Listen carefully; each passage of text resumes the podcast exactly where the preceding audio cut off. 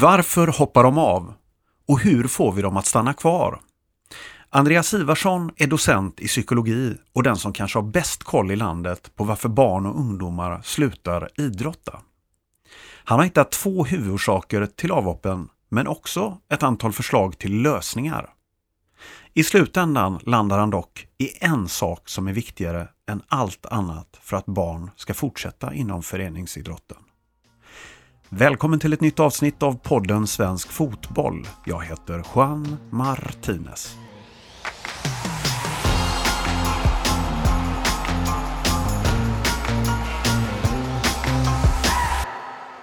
Då välkomnar vi Andreas Ivarsson till podden Svensk Fotboll. Välkommen!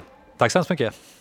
Du, eh, du får presentera dig först Andreas. Du har eh, händerna i många syltburkar höll jag på att säga. Du, du finns på många planer inom idrotten. Berätta lite kort vad du gör.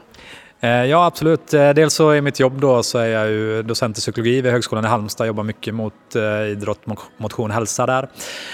Sen är jag även engagerad då inom idrotten på ett antal uppdrag. Dels som vetenskapligt Eh, ansvarig på Svenska Hockeyförbundet för eh, inriktning då mot eh, psykologi, ledarskap och eh, personlig utveckling. Eh, sen vetenskaplig rådgivare mot Arsenal i England. Eh, jobbar även som eh, idrottspsykologisk rådgivare åt det norska damlandslaget i fotboll. Eh, och sen bedriver en hel del forskning då i samarbete med både Hockeyförbundet här och eh, Svenska fotbollsförbundet. Eh, så lite olika aspekter på idrott.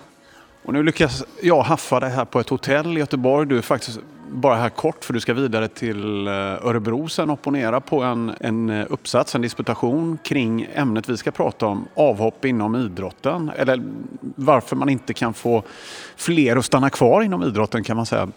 Du Andreas, eh, du arbetar ju parallellt med två ganska stora utredningar som tittar på just de här frågorna. Kan du berätta kort om dem, vad, de, vad du tittar på specifikt där? Eh, absolut. Så vi har ett eh, stort projekt i samarbete med eh, Svenska fotbollsförbundet och tre stycken distriktsförbund som är Västergötland, Skåne och Halland. Där syftet egentligen är att studera psykosociala riskfaktorer för avhopp inom barn och ungdomsfotboll. Så det är ena projektet. Andra projektet som vi har tillsammans med Svenska Hockeyförbundet handlar om att eh, egentligen se vad barn och ungdomar eh, tycker det är som gör idrottsdeltagande roligt. Och just roligt verkar vara en av de faktorerna som är viktigt för att få eh, barn och ungdomar att stanna inom idrotten. Kan du redan nu berätta lite om data, siffror du har fått fram i de här undersökningarna? Ja, eh, absolut. Om vi börjar med den här första då som handlar om psykosociala riskfaktorer för avhopp så ser vi att, att de två starkaste faktorerna som det verkar just nu i alla fall för att man Eh, fortsätter att vara aktiv inom eh, fotbollen är dels att man har en hög nivå av inre motivation, alltså man gör det för sin egen del och för att man tycker det är roligt och inte är med bara för att någon annan tycker att jag ska vara det eller att jag får belöning eller så efteråt. Det är den ena faktorn och den andra verkar vara att man upplever att man har en eh, god relation med sin tränare. Eh, så det är väl huvudfynden i den studien än så länge. I den andra studien kring det här, vad, vad gör idrott roligt, så verkar det vara eh, faktorer som har med ett bra ledarskap att göra, som eh, är viktiga. Även eh, saker som har med att få röra på sig, att få kämpa, att få eh, bli, ta ut sig själv så att säga, verkar vara Eh, ett kluster av faktorer som, som eh, gör det roligt. Och den tredje jag skulle vilja lyfta fram är att få göra saker tillsammans. Eh, Varför är det så svårt generellt sett att få barn och ungdomar att stanna kvar inom idrotten? Vi, vi har sett lite larmrapporter bara nu de senaste dagarna här, bara från Norrbottens distrikt där man talar om jättestora avhopp. Eh, man ser i socioekonomiskt svaga områden att det är svårt eh, för familjer att få, eh, få medlen att räcka till, helt enkelt pengarna att räcka till för barn och idrottare. Men vad är det som gör det så svårt att, att få dem att stanna inom idrotten? Eh, jag tror jag skulle vilja lyfta fram tre stycken olika aspekter på det. Den första tror jag är att idag mot eh, när eh, vi kanske var aktiva då för 10, 15, 20 år sedan så finns det mycket mer eh, saker att göra idag utanför idrotten som eh, kanske på, på kort sikt i alla fall ger den här bekräftelsen och att, så på, på ett eh, nog så bra sätt som idrotten gör. Så det är det ena. Eh, det andra skulle vi lyfta fram är nog strukturen precis som du pratar om eh, idag att, att att eh, Eh, kanske tillgängligheten och så i, i kanske sviten av covid framförallt här eh, verkar ju kanske då kunna ha påverkat deltagandet eh, sämre och vi har planer och vi har möjligheten då att, att engagera sig kanske på olika sätt. Så det är den andra och den tredje jag skulle vilja lyfta fram är just att barn och ungdomar har så olika motiv för att delta så att för att bekräfta och svara upp mot allas behov, speciellt kanske i den svenska kontexten där allt mycket bygger på ideellt ledarskap, tror jag är en jättestor utmaning också som gör att det kanske är svårt att bekräfta alla för den anledningen som de väljer att delta i idrotten på. Eh det går att gå tillbaka ett tag och titta på det som har skrivits eh, och forskats i, i ämnet. Eh, bland annat så finns det en antologi eh, från 2012 eh, som heter Spela vidare där man tittar då, ett antal forskare har tittat på delförklaringar i alla fall. Eh, så det, fenomenet är ju känt sedan tidigare. Eh, och där pratar man just om det här som du går in på nu, förändrade fritids idrottsvanor, ökat utbud av andra idrotter, aktiviteter och förändrade attityder i samhället, att det har blivit mer individualiserat. Men eh, du, om jag förstår det rätt Andreas, det här stämmer fortfarande de här faktorerna. Vi har ju känt till dem ganska länge. Varför har det inte gjorts något? Jag tror att det har gjorts en hel del om man jobbar med det men det är ju ganska svårt tänker jag att förändra dels som du säger samhällsstrukturer och eh, det här som kanske dominerar idag då att det är viktigare att jag lyckas som person än att vi gör något eh, kollektivt tillsammans. Eh, sen tror jag också att, att tittar man på de här mer individuella faktorerna, om man upplevelse av, av till exempel en god relation med tränare, så har du ett lag på 20 individer så är det säkert 20 olika uppfattningar nästan om vad som är en bra relation och vilken typ av, av eh, relation som, som eh, jag anser är, är, den bästa för att jag ska fortsätta vara aktiv. Och det är klart att det finns en utmaning då om man kanske är en eller två eller tre tränare på en grupp på 20, 30, 40 personer att, att hela tiden eh, ha ett ledarskap som passar så många som möjligt. Så jag tänker att det är också en, en stor utmaning till varför det på pappret kanske är lätt men i praktiken kan vara, kan vara svårt. En sak som man kan fråga sig är ju, eh, har föreningsidrotten varit lite dålig på att marknadsföra sig senare, senare år? Jag tänker i konkurrens med andra aktiviteter, eh, gym, att gå ut och springa, liksom military training och allt som finns idag.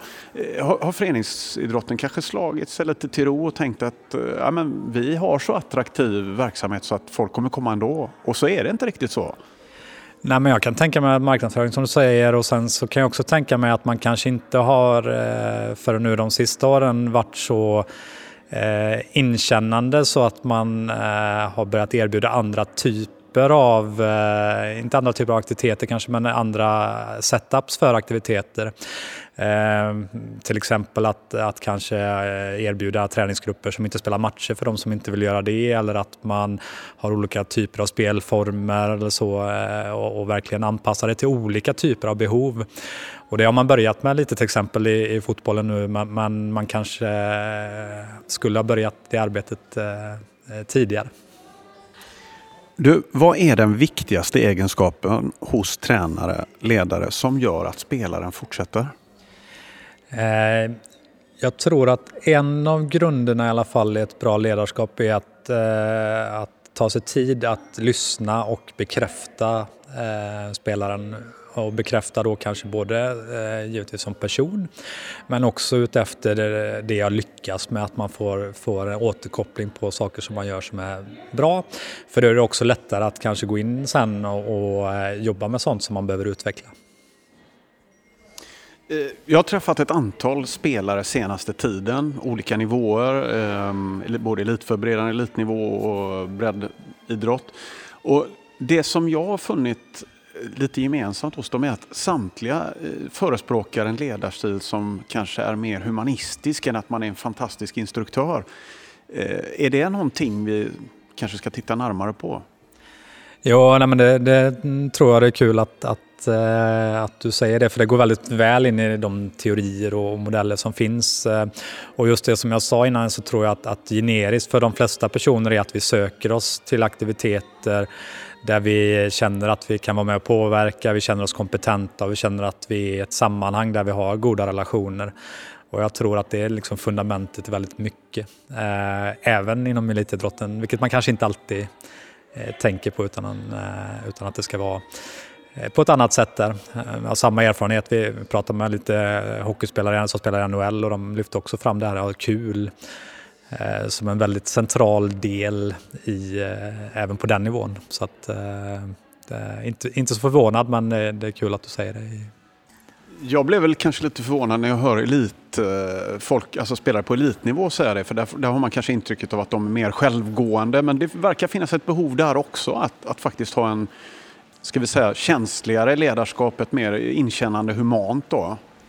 Eh, jo, nej, men det, det, tror jag. Sen kan det nog vara, eh, tänka lite skillnader kanske beroende på var i världen du befinner sig och så vidare. Och det har väl med Eh, uppväxt och hur samhället ser ut och vad som är accepterat och så vidare. Jag tror kanske att, att eh, kommer man i andra delar av världen så kanske det är ett annat typ av, av ledarskap som, som man är uppväxt med och som man kanske då känner sig bekväm med. Men, men jag tror helt klart att den, om vi kallar den för den svenska eller skandinaviska eh, modellen där, eh, tror jag är genomgående för nästan alla nivåer. Om vi tittar på utbildningssidan där, Andreas, när vi, när vi diskuterar just den här frågan. Är det någonting där man borde skruva på? Lägger vi för stor fokus på att eh, lära tränarna hur man ska lära ut spelet mer än att hur man ska vara en god ledare? Ehm, jag, jag håller med dig om att det är en väldigt viktig del just där kanske att reflektera kring sig själv, varför man gör saker och hur man, hur man vill framstå som ledare. Men det tycker jag att till exempel Svenska Fotbollförbundet har gjort ett väldigt bra jobb med de nya eh, utbildningarna som de tar fram att, att eh, mer och mer handlar just om, om att eh, fundera kring sina egna agerande och, och eh, hur man Eh, Lyssna då till exempel och hur man eh, skapar en, en god miljö, ett bra motivationsklimat.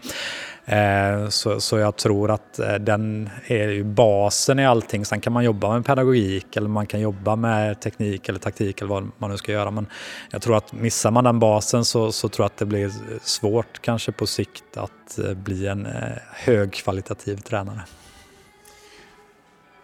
Du lyfter ju två faktorer som är väldigt viktiga i din forskning. Eh, den egna inre motivationen och eh, det goda ledarskapet. Vilken av de här faktorerna skulle du säga väger tyngst?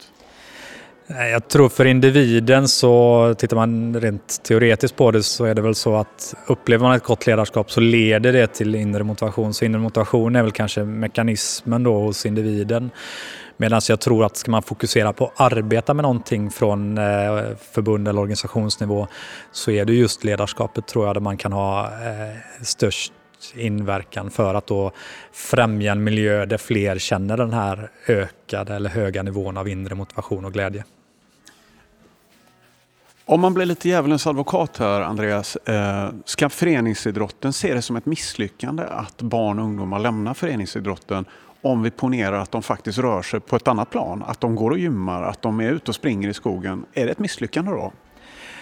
Nej, men det tänker jag inte att det är egentligen. Man ser ju till exempel i forskning att, att eh, om man är idrottsaktiv som barn eller ungdom så ökar chansen för att man också är fysiskt aktiv långt upp i åldrarna. Jag tror att den, den studien som har eh, störst eller längst uppföljning är på 40 eller 50 år där man ser de här tendenserna. Så att, eh, jag tänker att så länge man kan behålla dem eh, är det väl jättebra. Det är ju bra för föreningen och, och kanske för det lilla samhället också. Men, men jag, det viktigaste är väl kanske att de fortsätter vara fysiskt aktiva för att få de hälsoeffekter som är sammankopplat då med att, att, röra på sig någonstans. Och om det är sen inom idrotten eller inte så, så eh, tror jag inte man ska se det som ett misslyckande utan man kanske kan se det som att man har varit med och format ett intresse för fysisk aktivitet.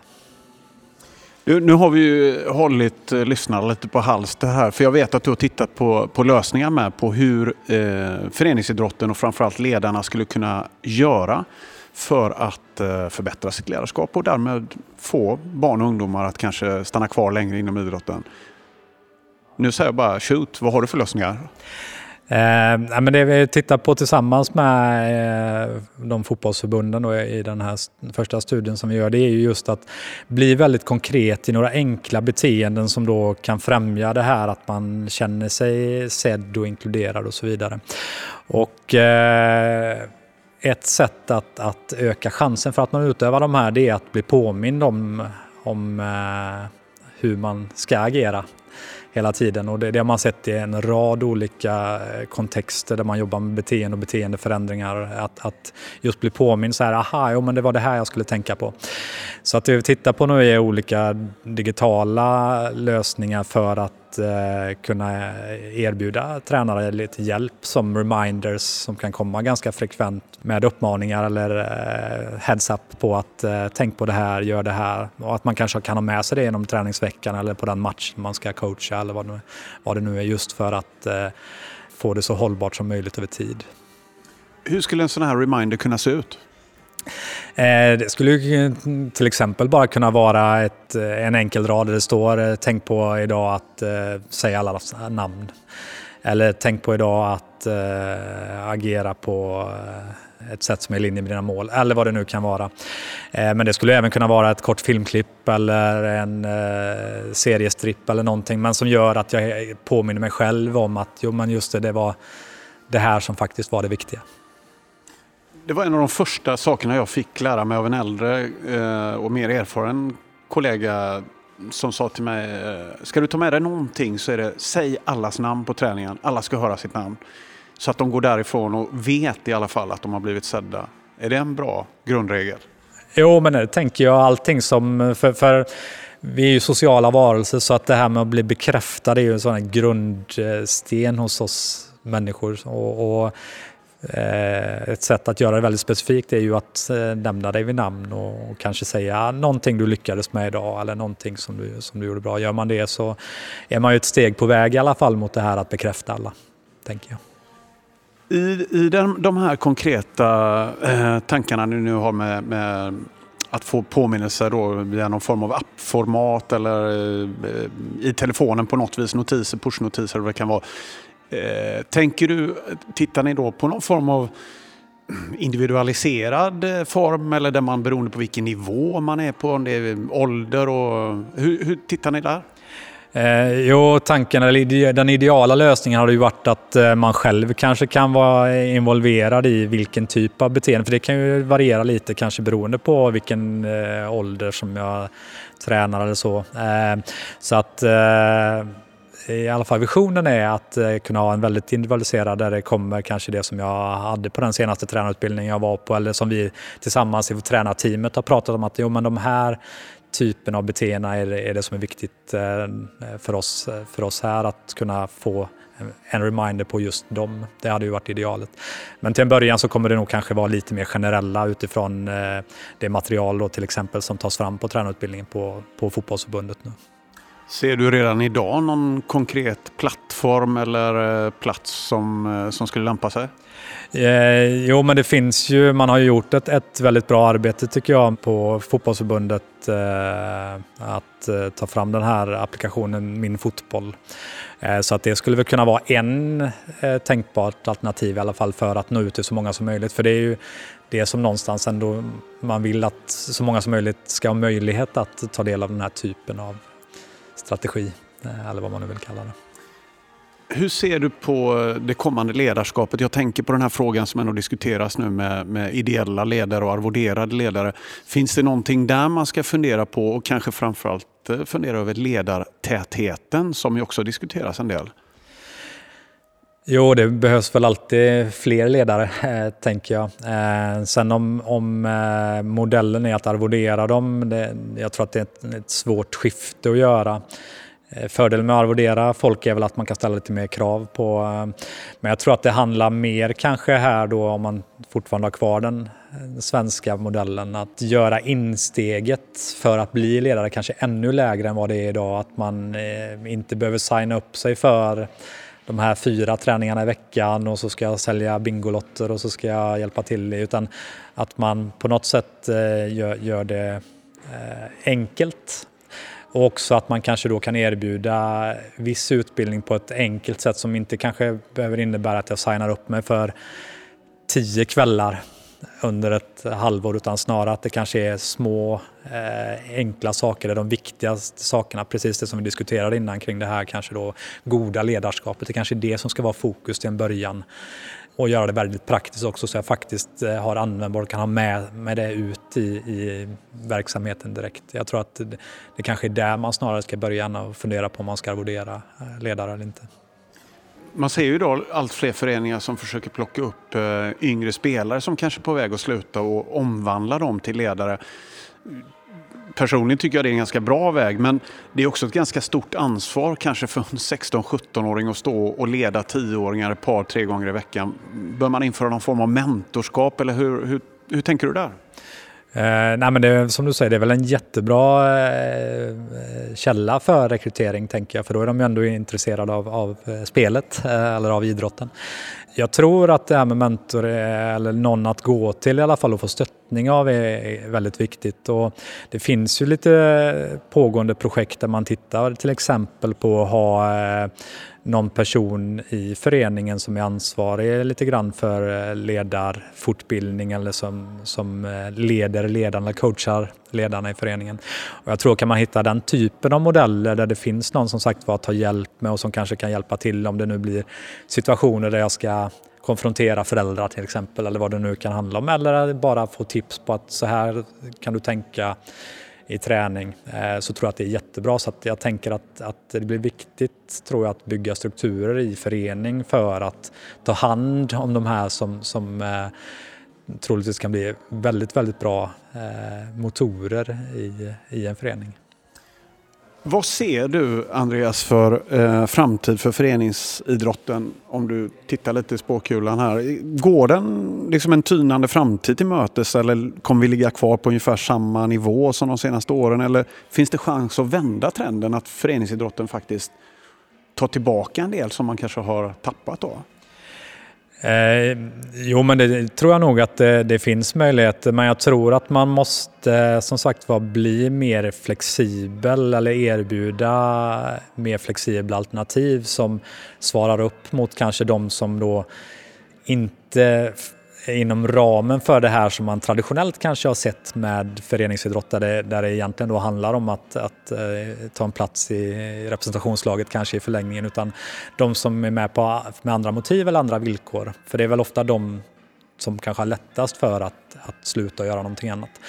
Och jag tänker ska man behålla dem så måste man också som sagt se till att, att eh, det finns möjligheter att delta på eh, de villkor och det, efter de eh, motiven som jag har för deltagande. Och gör man det så tror jag att man har ganska goda chanser att, att få fler att stanna kvar och hitta sin plats och sin stimulans så att säga i, i den organisationen. Andreas Ivarsson, stort tack för att du gästade podden Svensk Fotboll. Tack så hemskt mycket, kul att vara med. Du har lyssnat på podden Svensk Fotboll med Andreas Ivarsson, docent i psykologi vid Högskolan i Halmstad. Vi vill passa på att tacka för all respons, alla tips och förslag som vi får från er lyssnare. Fortsätt gärna att kontakta oss på podden at svenskfotboll.se. Det är tillsammans med alla er runt om i landet som vi gör svensk fotboll lite bättre varje dag. Jag heter Juan Martinez. Tack för att du har lyssnat.